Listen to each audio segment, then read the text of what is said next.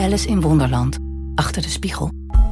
Aflevering 33 door Marieke Hebing. Alice heeft aan een mug bekend dat zij haar naam niet kwijt zou willen raken. Ik weet het nog zo net niet, ging de mug op zorgeloze toon voort. Neem nou alleen al hoe handig het zou zijn als je naar huis kon gaan zonder.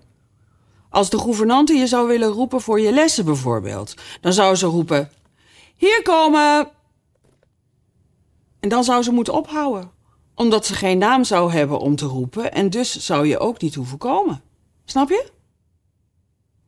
Dat zou nooit lukken, heus niet, zei Alice. De gouvernante zou me daarom nog geen lessen laten verzuimen. Als zij niet op mijn naam kon komen, dan zou ze juffie tegen me zeggen, net als het personeel. Nou, als juffie zou zeggen en verder niks, merkte de mug op, dan zou jij haar huiswerk kunnen geven en zelf niks hoeven doen. Dat is een grapje.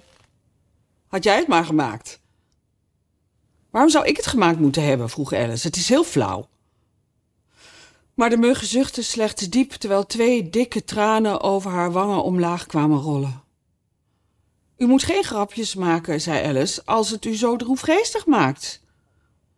Toen volgde er weer zo'n zwaarmoedig zuchtje. En dit keer scheen de mug zichzelf echt weggezucht te hebben. Want toen Alice opkeek, was er helemaal niets te zien op het twijgje. En doordat ze behoorlijk verkleumd raakte van zo lang stilzitten, stond ze op en liep door. Heel gauw kwam ze bij een akker met een bos aan de andere kant. Het zag er veel donkerder uit dan het vorige bos.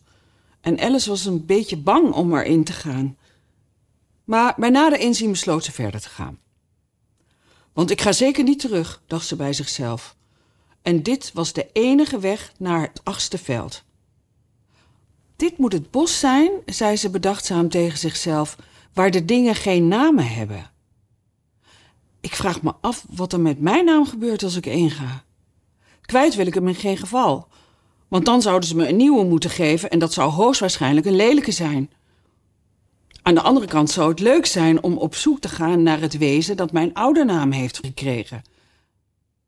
Dat doet denken aan de advertenties. Je weet wel, wanneer mensen honden kwijt zijn. Luistert naar de naam Hector. Had een koperen ketting om. Stel je eens voor dat je tegen alles wat je tegenkomt Alice zou zeggen, tot er eentje antwoord gaf. Hoewel, als ze slim waren, dan zouden ze helemaal geen antwoord geven. Zo was ze aan het klessenbessen toen ze het bos bereikte. Dat zag er erg koel en donker uit. Nou, het is in elk geval een hele troost, zei ze terwijl ze onder de bomen stapte, om na het zo warm gehad te hebben, nu lekker in de. in de. waar in te lopen? ging ze voort. Nogal verrast dat ze niet op het woord kon komen. Ik bedoel, onder de. hieronder, je weet wel, te lopen. Terwijl ze haar hand op de stam legde, hoe heet dat toch? vroeg ik me af. Ik begin waarachtig te geloven dat het geen naam heeft. Ach, natuurlijk heeft het die niet. Ze stond even zwijgend te denken en toen begon ze plotseling weer. Dan is het toch echt gebeurd dus. En wie ben ik dan nu? Ik zal het me herinneren als ik kan. Ik moet en zal het me herinneren. Maar moeten en zullen hielpen haar niet erg. En al wat ze op een hele hoop gepieker na kon zeggen was: L. Ik weet dat het met een L is. En juist toen kwam er een reekalf aangewandeld. Het keek Alice aan met zijn grote, zachte ogen, maar leek helemaal niet geschrokken. Kom dan, Kom dan, zei Alice terwijl ze haar hand uitstak en het kalf probeerde te aaien. Maar het deinsde alleen wat achteruit en stond haar toen weer aan te kijken. Hoe noem jij je? zei het kalf tenslotte. Wat had het een zachte, lieve stem. Wist ik het maar, dacht die arme Alice. Ze antwoordde nogal somber. Niks op dit moment. Denk nog eens na, zei het kalf. Hier schiet je niets meer op. Alice dacht na, maar zonder resultaat. Zou jij me alsjeblieft willen zeggen hoe jij je noemt? vroeg ze verlegen. Dat zou best eens kunnen helpen. Ik zal het je zeggen als je een eindje meegaat, zei het kalf. Hier kan ik het me niet herinneren. Dus liepen ze samen door het bos, Alice met haar armen liefdevol om de zachte hals van het reekalf geklemd, totdat ze op een andere akker uitkwamen. En daar maakte het kalf een plotse luchtsprong en schudde Alice's arm van zich af. Ik ben een reekalf, riep het met een verrukte stem. En jij, goeie genade, je bent een mensenkind. Een plotse blik van schrik kwam in zijn prachtige bruine ogen en even later was het op volle snelheid weggestoven. Alice stond het na te kijken, bijna geroerd tot tranen, verpletterd als ze was door het plotse verlies van haar lieve kleine medereiziger.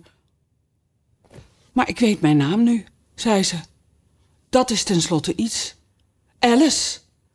Alice. Dat vergeet ik niet meer. En nu, welke van die twee wegwijzers moet ik volgen, vraag ik me af. Erg moeilijk te beantwoorden was de vraag niet, aangezien er slechts één weg door het bos liep en de twee wegwijzers beide die kant op wezen. Ik kom er wel achter, zei Alice tot zichzelf, als de weg zich splitst en ze verschillende kanten op wijzen. Maar daar leek niet veel kans op te zijn. Ze liep al maar verder, een heel eind, maar steeds als de weg zich splitste, stonden er vaste prik twee borden die dezelfde kant op wezen. Het ene met het opschrift naar Fiedeldijs huis en het ander naar het huis van Fiedeldop. Ik dacht toch heus, zei Alice tenslotte, dat ze in hetzelfde huis wonen. Vreemd dat ik daar niet eerder aan gedacht heb. Maar lang blijven kan ik er niet. Ik ga er even langs en dan zeg ik: Hoe maakt u het? En dan vraag ik ze hoe ik uit het bos kom. En als ik het achtste veld nou maar bereik voor het donker wordt. Zo wandelde ze voort, in zichzelf pratend, totdat ze, terwijl ze een scherpe hoek omsloeg, op twee dikke mannetjes stuitte. Zo plotseling dat ze onwillekeurig achteruit deinsde. Maar al gauw had ze zich weer onder controle, want dit waren op en top Fiedeldij en Fiedeldop. De volgende aflevering wordt gelezen door Gaite Jansen. Alice in Wonderland is een podcast van Internationaal Theater Amsterdam, Het Parool en Stepping Stone Producties. Vertaling Nicolaas Matsier, uitgeverij Meulenhof Boekerij.